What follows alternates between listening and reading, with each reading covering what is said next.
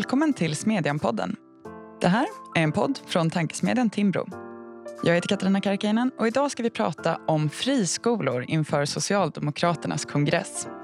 Innan vi inleder dagens samtal så vill jag bara påminna om att ni gärna får betygsätta podden i podcaster och iTunes för att hjälpa fler att hitta hit. Tips och idéer får också gärna mejlas till smedjan Det går också bra att skriva till oss i sociala medier. Trevlig lyssning.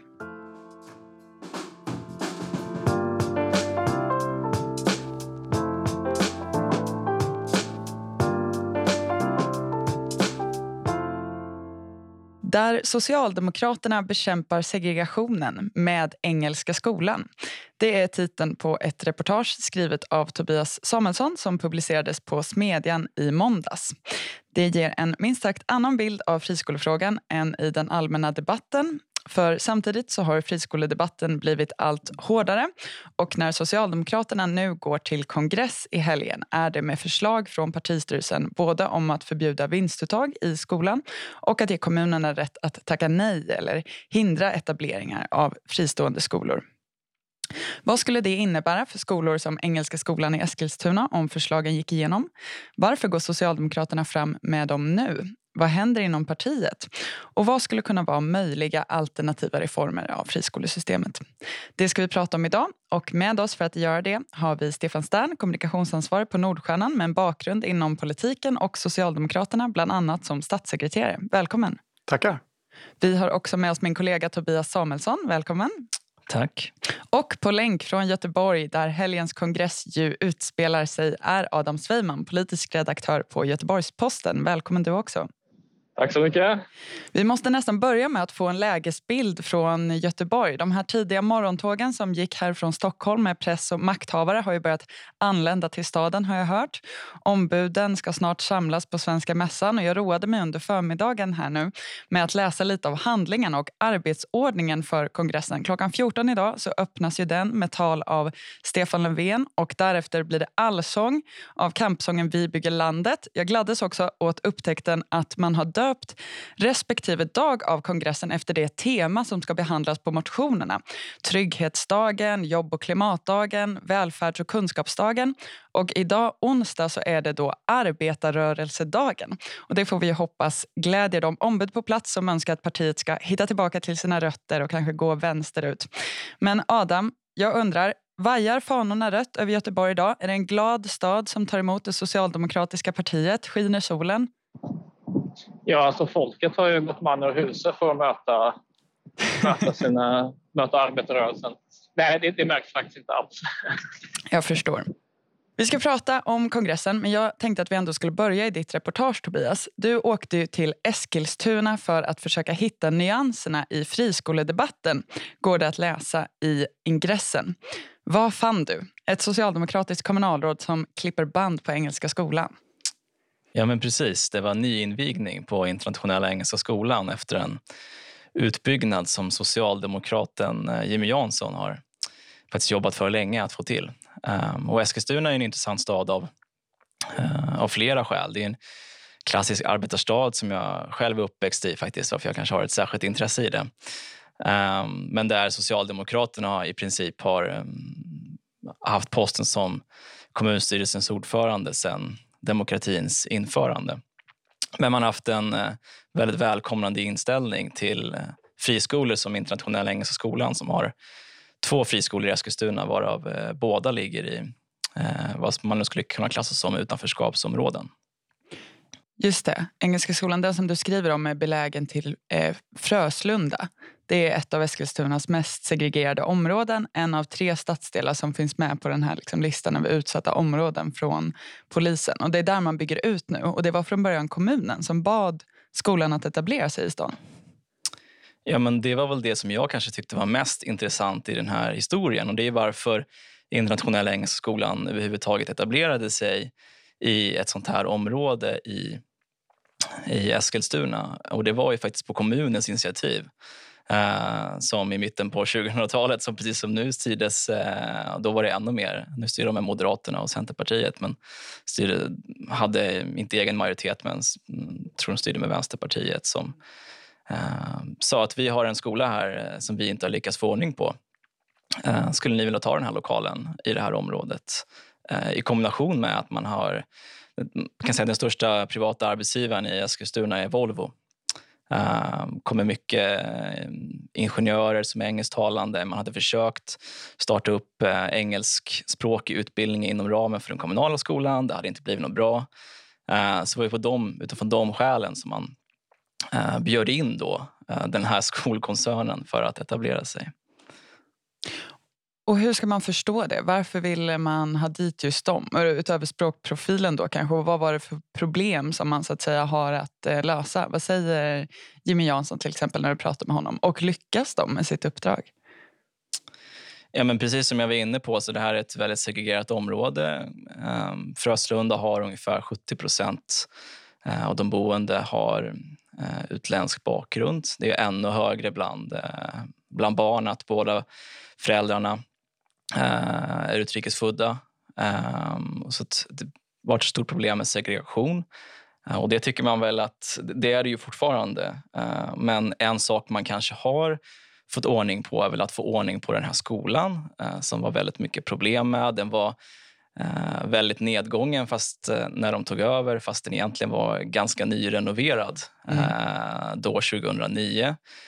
Och idag så är det också många barn från kanske andra socioekonomiska förhållanden som söker sig är det föräldrar som sätter sina som söker till den här skolan. Uh, vilket trots att den ligger där den gör kanske har fått en, uh, en mer blandad, eh, liksom, blandat elevunderlag. Mm. Även personer som inte är bekanta med politiken i Eskilstuna är ju kanske bekanta med Jimmy Jansson. Han brukar ibland kommentera regeringens utspel och Socialdemokraternas politik även på nationell nivå. När Annika Strandhäll diskuterade friskolefrågan i Agenda nu senast till exempel så var ju han med och ja, men, nyanserade bilden, berättade om sina erfarenheter från eh, kommunen. Finns det fler som honom och hur ska man förstå honom? Är han liksom bara en eh, pragmatisk kommunpolitiker eller är han en höger socialdemokrat? Vad är din bild? Han vill väl inte beskriva sig som det, men han vill ju väldigt gärna beskriva sig som en pragmatisk eh, politiker. Um, det finns ju flera såna här exempel faktiskt på, på friskolor i socialdemokratiska kommuner som är ganska liknande. Till exempel Södertälje finns det en skola som heter, ligger i ett område som heter Geneta, Eh, Kringlaskolan, eh, som också mm, har liksom utmärkt sig för att locka till sig elever från, från andra områden. Um, Just nu så håller Engelska skolan på att etablera sig i Karlskrona, eh, i Skellefteå, eh, också på socialdemokratiskt eh, initiativ. Um, Skellefteå till exempel, är ju, ja, nu försöker man locka till sig mycket utländska ingenjörer precis som man gjorde i Eskilstuna. Så det är klart, man har, man har ju mm, pragmatiska skäl till att göra det kanske. Så det är inte helt eh, unikt det här fallet ändå för Eskilstuna med kommunpolitiker som snarare välkomnar det här? Nej, det skulle jag inte säga. Vad säger övriga av dagens gäster? Har ni några spontana reflektioner om det här reportaget och bilden från Eskilstuna? Ja, alltså det, det är väl eh, alldeles uppenbart att det finns kommuner där, där politikerna själva känner att någonting saknas och att de kanske inte själva har kapacitet att, att, att, att leverera det. Det är inte ovanligt. Det gäller inom, inom andra liksom, delar av välfärden också. Jag tänker på vård, omsorg och liknande. Så det, det är inget ovanligt. Jag tror inte att Eskilstuna här är ensamt utan det, på någon nivå så händer det väl i rätt många kommuner. Mm. Men ändå pratar vi om det nu som ett fenomen, som om det är ovanligt. Och eh, jag skulle nog ändå säga att tittar vi tillbaks ett par mandatperioder så skulle man kunna hittat fler eh, så kallade pragmatiska kommunalråd inom S som stod upp för valfrihet och friskolor. Eh, men det blir allt färre ska jag säga och det är ju eh, tråkigt och en brist tycker jag inom S att det är så få. Jag tror i det här fallet att det handlar väldigt mycket om eh, om man har tänkt igenom sin egen eh, demokratiska uppdrag eller politikersynen. Alltså det var ganska vanlig diskussion inom S på 90-talet att man skulle komma ifrån att man som politiker, kommunalråd företrädde verksamheterna i egen regi i kommunen. Att man på något sätt företrädde kommunen mot medborgarna. Och istället så skulle man ju företräda medborgarna gentemot eh, kommunen, systemen och eh, eventuellt eh, andra utförare. Så att man, man företräder medborgarintresset att få den bästa skolan. Och det är ju väldigt trist återigen att det är så få som har den demokratisynen idag.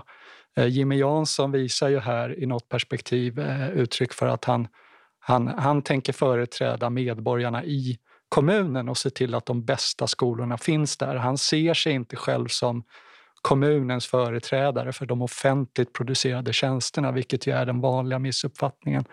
Eh, dessvärre så, ni pratade om S-kongressen tidigare, jag tror att väldigt många av de här 350 ombuden som kommer, de är ju kommunalråd. Så ser det ut i alla partier, att det är väldigt stark företräde. Eh, det är väldigt många som är kommunalpolitiskt aktiva som är ombud. Men det man ser är att de ofta väldigt eh, gärna vill företräda kommunernas planering. Vi måste kunna planera i kommunen, vi måste kunna göra en socioekonomisk beräkning, en, en demografisk beräkning. Vi måste kunna se vart byggandet och barnafödandet ökar och så måste vi kunna planera. Och det viktiga för dem blir då eh, så att säga inte medborgarnas rätt till den bästa utbildningen utan just det kommunala perspektivet igen. Så det är trist att det här breder ut sig. Det skulle behövas en ny debatt inom socialdemokratin om själva politikerrollen så att man hamnar på rätt sida, anser jag. Ja, men intressant. Det är ju flera saker som diskuteras kopplat till friskolorna nu i den mer allmänna debatten. Vi hinner inte behandla alla i detalj idag tyvärr. Eh, men en sak är ju den sociala rörligheten som man ju hoppades skulle bli en liksom, effekt av skolvalet. Idag ser vi en ökande skolsegregation. Förvisso parallellt med att Sverige ju eh, under de här senaste decennierna sen friskolereformen har genomgått stora andra förändringar av eh, vårt samhälle. Men enligt en forskningsöversikt från IFAU så beror den ökande skolsegregationen i huvudsak på boendesegregation boendesegregationen men man kan också till viss del eh, förklara den med det fria skolvalet. Det får så att säga en ytterligare effekt. Hur tycker ni att man ska se på det? Alltså man ska inte överskatta hur stor andel själva friskolorna eh, utgör här. Samtidigt så är det så att den här förstärkande effekten som vi får kommer fram till den är på något sätt naturlig när vi har redan har white flight eh, flyttmönster. De gäller även utrikesfödda eller folk med utrikes bakgrund det är klart att de, de människor som så att säga, har större agens i sin, i sin vardag och för sina barns framtid, de kommer ut i ett system som potentiellt kan användas för att öka segregationen. Frågan är, är det ett argument för att helt sätta stopp för testordvalet? Ja, vissa skulle säga, hävda att det är så. Eh, jag tror inte att det är så, så enkelt. Eh, däremot, därmed sagt så, så utgör friskolorna ett problem här. Eh, men det här kanske inte är det största problemet skulle jag säga. Nej, vi pratade om Engelska skolan här tidigare. Det är ju väl känt att uh, flera, uh, för, eh, flera skolkoncerner har försökt etablera sig till exempel i Malmö där man har haft problem med flera skolor i, i utanförskapsområdet men de har inte släppts in. Man har använt olika sätt att hålla friskolorna borta.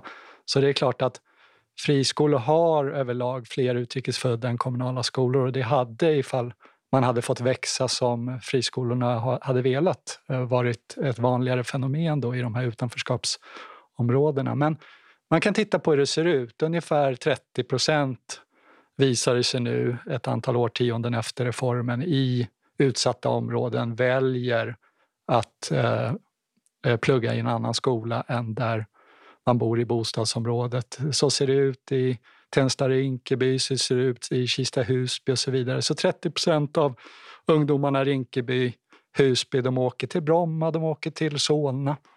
Och eh, det är det här eh, fria skolvalet, valfriheten som är så djupt förknippat med friskolorna som, som är deras väg ut ur ett väldigt segregerat boende. Innan det fria skolvalet så speglade skolorna, den socioekonomiska statusen i områdena där de, där de eh, befann sig. så att säga. Och man kan titta på skolval i andra länder. Där är det ju fastighetspriserna som avgör skolvalet. Eh, det är inte ovanligt i Londons eh, bästa skolområden att priserna på husen går upp 40 procent faktiskt om det ligger en bra skola i närheten.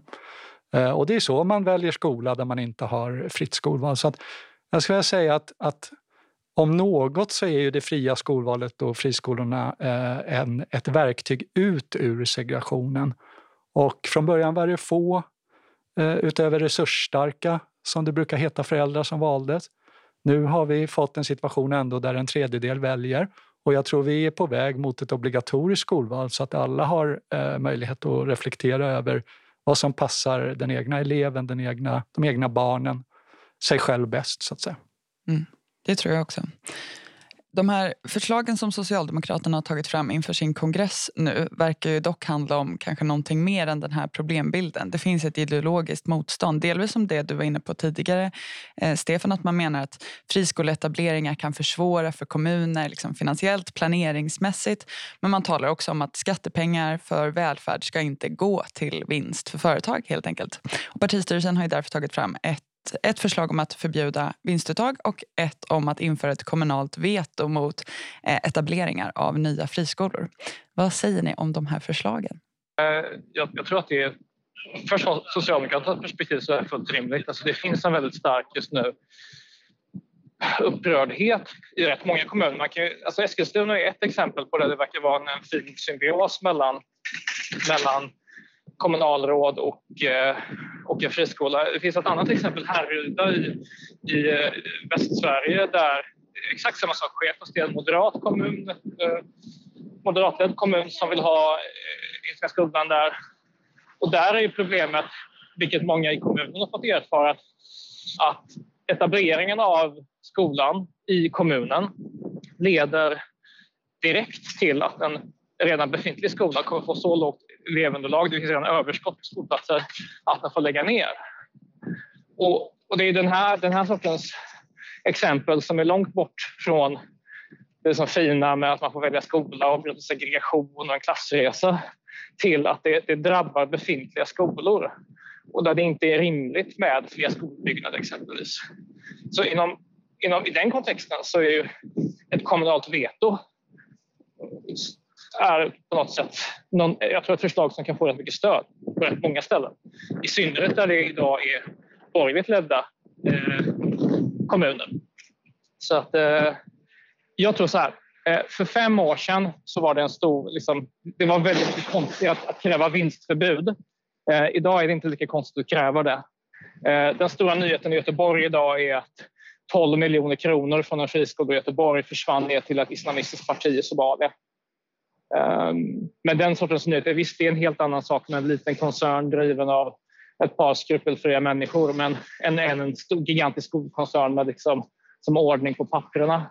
Men det som S kräver nu framstår som mycket mer realistiskt att, att genomföra än vad det var för fem, sex år sedan. Nej, men det är klart att du har rätt i, Adam, att det som man brukar kalla för kommunpartiet, det är det största partier, partiet i alla i alla partier, det vill säga kan man ge kommunerna inflytande på andra offentliga nivåer, staten eller regionerna, så, så, så tar gärna kommunalråden det. Så det kan säkert locka. Eh, men jag skulle närma mig frågan utifrån ett annat perspektiv. Jag ser eh, att det som har varit en bred kyrka, som man brukar säga, eh, nu är min tid i politiken preskriberad för länge sedan, men det var ändå så att säga, något som utmärkte socialdemokratin, att det var väldigt brett och det fanns en levande diskussion mellan det frihetliga och det som var mer, eh, så att säga, ja, man kan gå tillbaks redan till, eh, till Branting och, och, och, August Palm så, så blev det en kompromiss mellan frihet och bröd, det vill säga Branting drev att det måste finnas frihet för varje individ och, och, och de andra betonade lite mer det materiella så att säga. Och den där diskussionen finns inte längre. Jag skulle säga att den breda kyrkan har blivit väldigt, väldigt smal. Jag roade mig med för några år sedan att slå i det som jag tror heter kyrklig ordbok. Och då hittade jag något som heter tornell och det är ett väldigt smalt torn vid sidan av själva kyrkan ofta för utsmyckning. Så jag tycker om det är någonting som socialdemokratin är så är det inte en bred kyrka utan det är, en, det är möjligtvis ett mycket, mycket smalare torn. Då.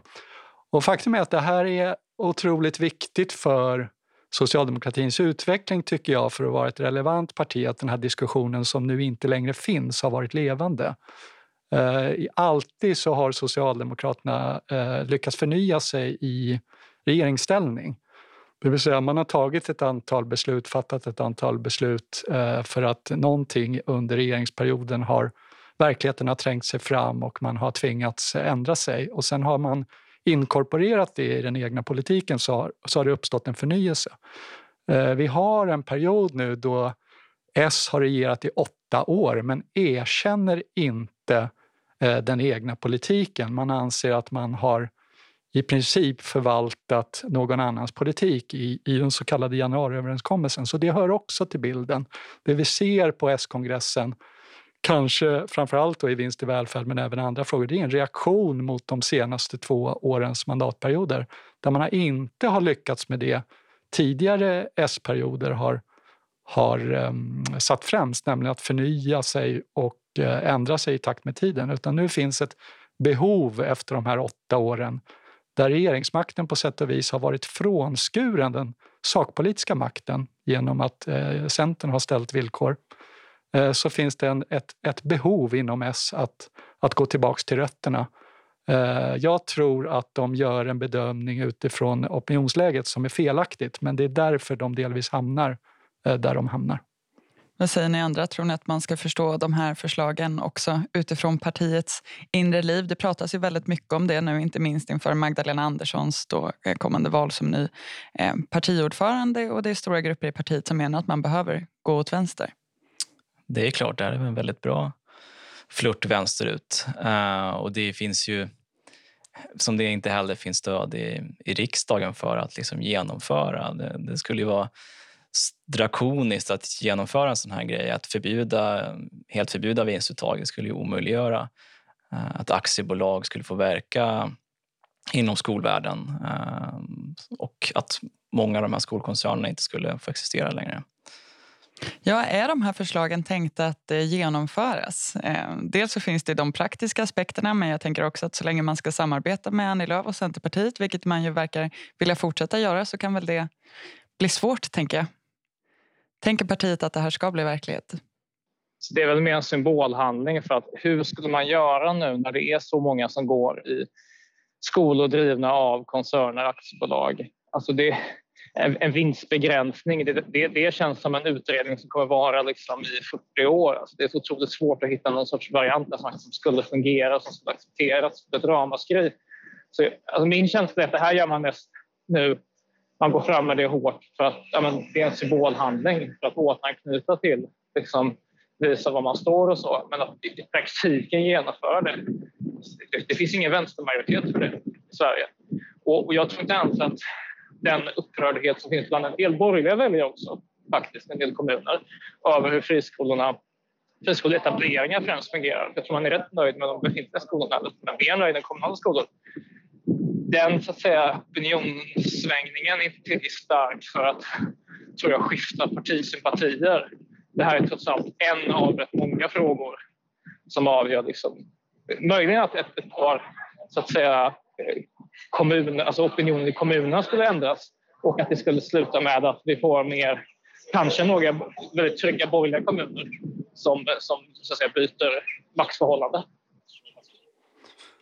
Nej, men jag tror man ska se det som någonting som eh, S vill genomföra men som, som naturligtvis inte kommer att gå att genomföra.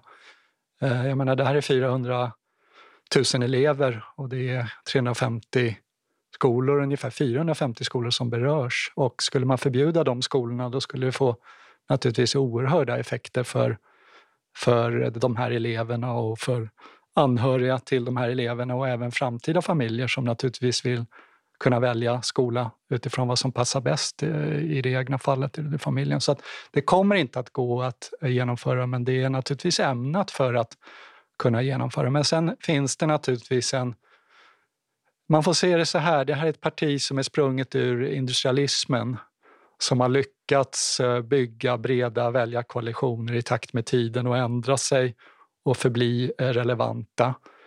Och eh, det här partiet upplever nu en diskussionsagenda som bygger på kultur, postindustriell, postmateriella konflikter, migration, blåljus, Eh, Eh, de gör naturligtvis allt för att försöka eh, något sånär ändra dagordningen till en mer klassisk konflikt som inte bygger på sociokulturella konflikter utan socioekonomiska. Och då är eh, vinst i välfärd en lågt hängande frukt. Sen är det så att det baseras på en delvis felaktig analys av opinionen. Det är sant i de här de är från Göteborg, Adam, de här undersökningarna, Zoom-undersökningarna. Visar ju att 60 procent ungefär av svenska folket över tid är emot vinst i välfärdsbolag.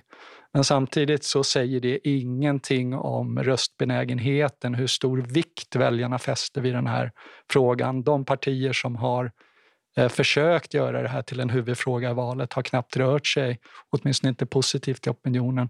Valfrihet eh, är 90 procent som tycker det är självklart och ber man väljarna skatta vad är viktigast mellan valfrihet och den där känslan att vinst är fel så vinner eh, valfriheten väldigt stort över vinst. Och frågar man eh, om de är beredda att använda sin röst den där fjärde söndagen i september eller tredje söndagen i september för, för att välja, då, då tänker man inte alls använda sin röst för att för, försöka förbjuda vinst. Däremot så kan man tänka sig att försvara valfriheten om den är hotad. Och ställer man vidare frågor om man tror att friskolorna stänger ner om de förbjuds eller om de kommer driva vidare sina verksamheter även om vinst förbjuds så, så är väljarna väldigt realistiska och ser att de kommer stänga. Så att det är en felaktig bedömning av opinionen. Jag skulle säga att om S driver det här hårt och någon tar dem på allvar då är det första gången som eh, moderater och eh, borgerliga partier har chans att vinna eh, välfärdsfrågan. Vi kan se på klassiska val där S har vunnit välfärdsfrågorna.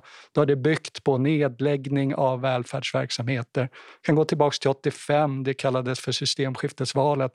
Då hittade S formuleringar i Moderaternas program om knatteidrott och föreningsstöd och byggde hela eh, valrörelsen på att man skulle dra ner i välfärden. Här skänker ju S till borgerliga partier som är intresserade ett en, eh, en fråga som ger dem möjlighet att vinna välfärdsfrågorna för kanske första gången. Det vill säga, här kommer 400 000 elevers skolor stänga, eller i alla fall 72 procent eftersom det är aktiebolag som är 72 procent. Och tittar du på 40 procent av besöken i eh, primärvården, 20 procent av äldrevården. Här är det ju ett systemskifte, nedläggning av verksamheter i vardagen som de facto föreslås. Och man skänker ju bort välfärdsfrågan om man kommer driva det här. Så ser jag på opinionsläget om man verkligen borrar i det. Friskoledebatten har ju samtidigt förändrats och eh, ganska snabbt fått en betydligt hårdare ton. Betygssättning och skolsegregation är två av sakerna som diskuteras. Har borgerligheten och friskolesystemets förespråkare varit för dåliga på att själva lyfta fram sådana aspekter och vårda sin reform? Och vilka reformer av friskolesystemet hade ni tyckt hade varit rimliga? Vi kommer ju kanske inte hinna avhandla allt och skolfrågan handlar ju dessutom om mycket mer än bara skolvalet och friskolorna. Men om ni får ge liksom era viktigaste punkter inför den här säkert kommande diskussionen? Eh, jag skulle vilja säga att ett av de största problemen för borgerligheten i den här frågan har varit att man inte varit tillräckligt självkritisk. Man har så att säga inte öppnat upp för en...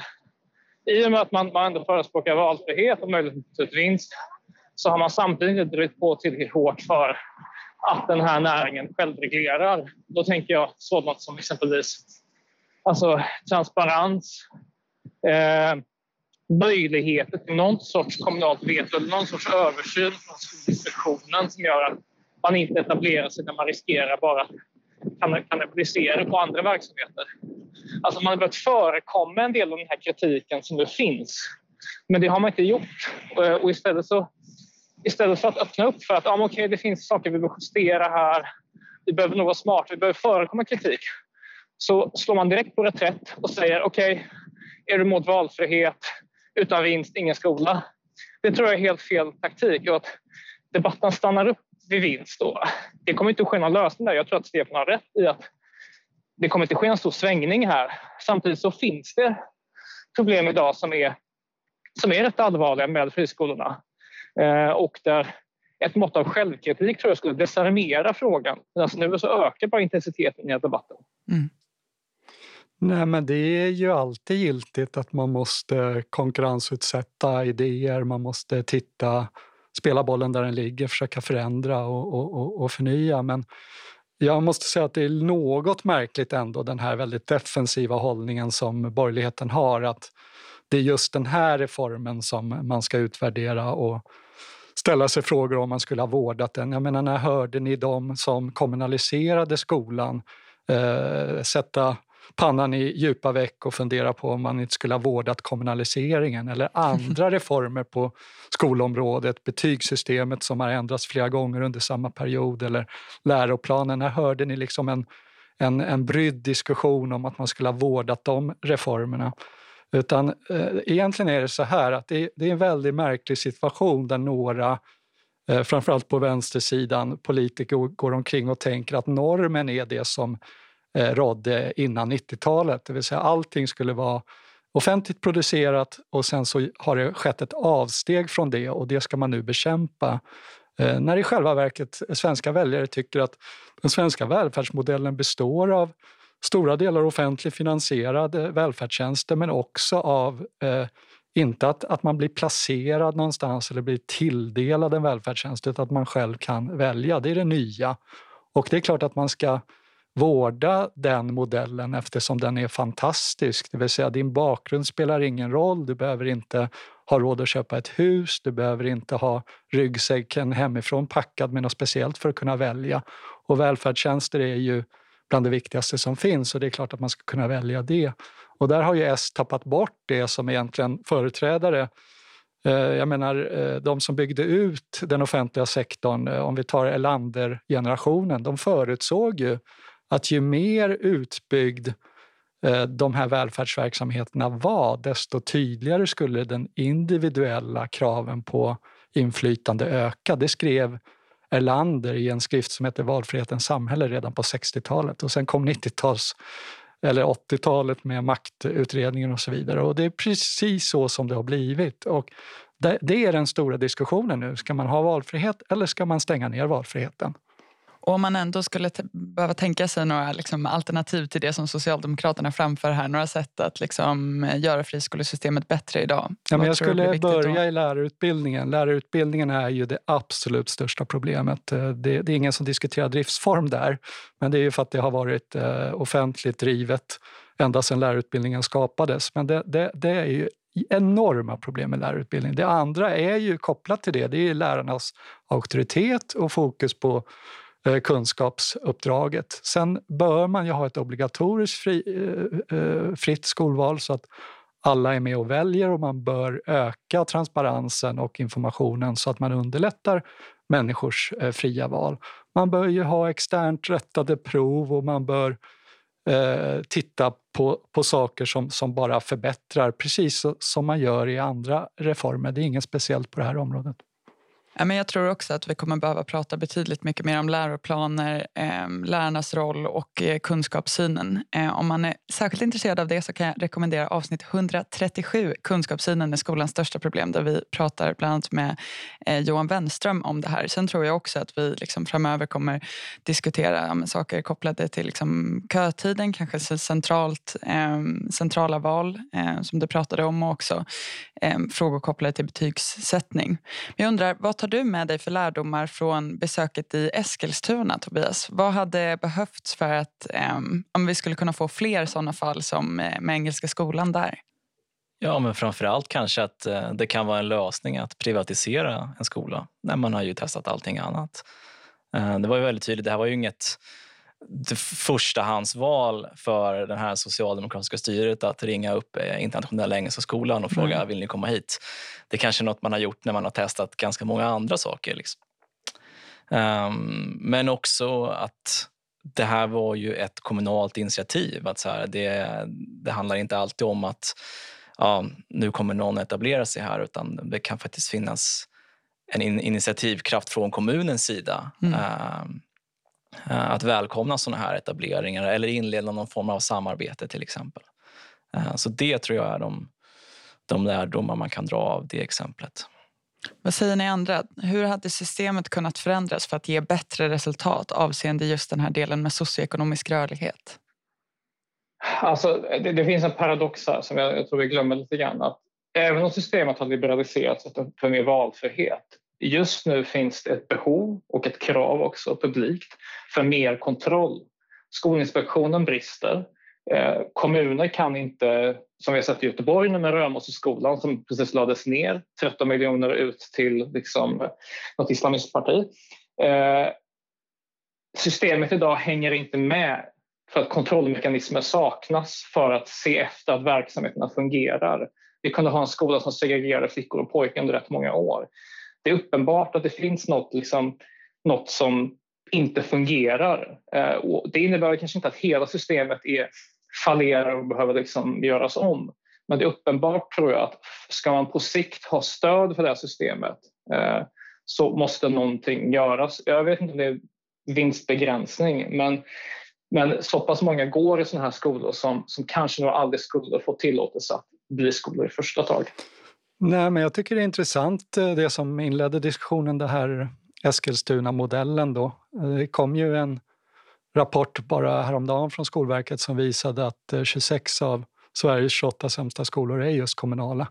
Och det är klart att fler borde kunna göra som Eskilstuna, att man eh, bjöd in en friskola att försöka förbättra. Om man rensar för elevbakgrund så pratar vi ju faktiskt om Sveriges bästa skolor här bland friskolorna. Så att man skulle behöva bygga ut och, och kopiera dem. Sen håller jag med om att man behöver eh, följa upp bättre, man behöver ha en bättre skolinspektion, man behöver ha tydligare regler. Men så fort vi kan börja diskutera skolans verkliga problem och diskutera kanske till och med över blockgränsen om att göra skolorna så bra som möjligt istället för att fokusera på att lägga, lägga ner så många skolor som möjligt. Då kan den viktiga diskussionen börja. Men tyvärr, just nu så låser S eh, den viktiga framtidsdebatten och det tycker jag är trist.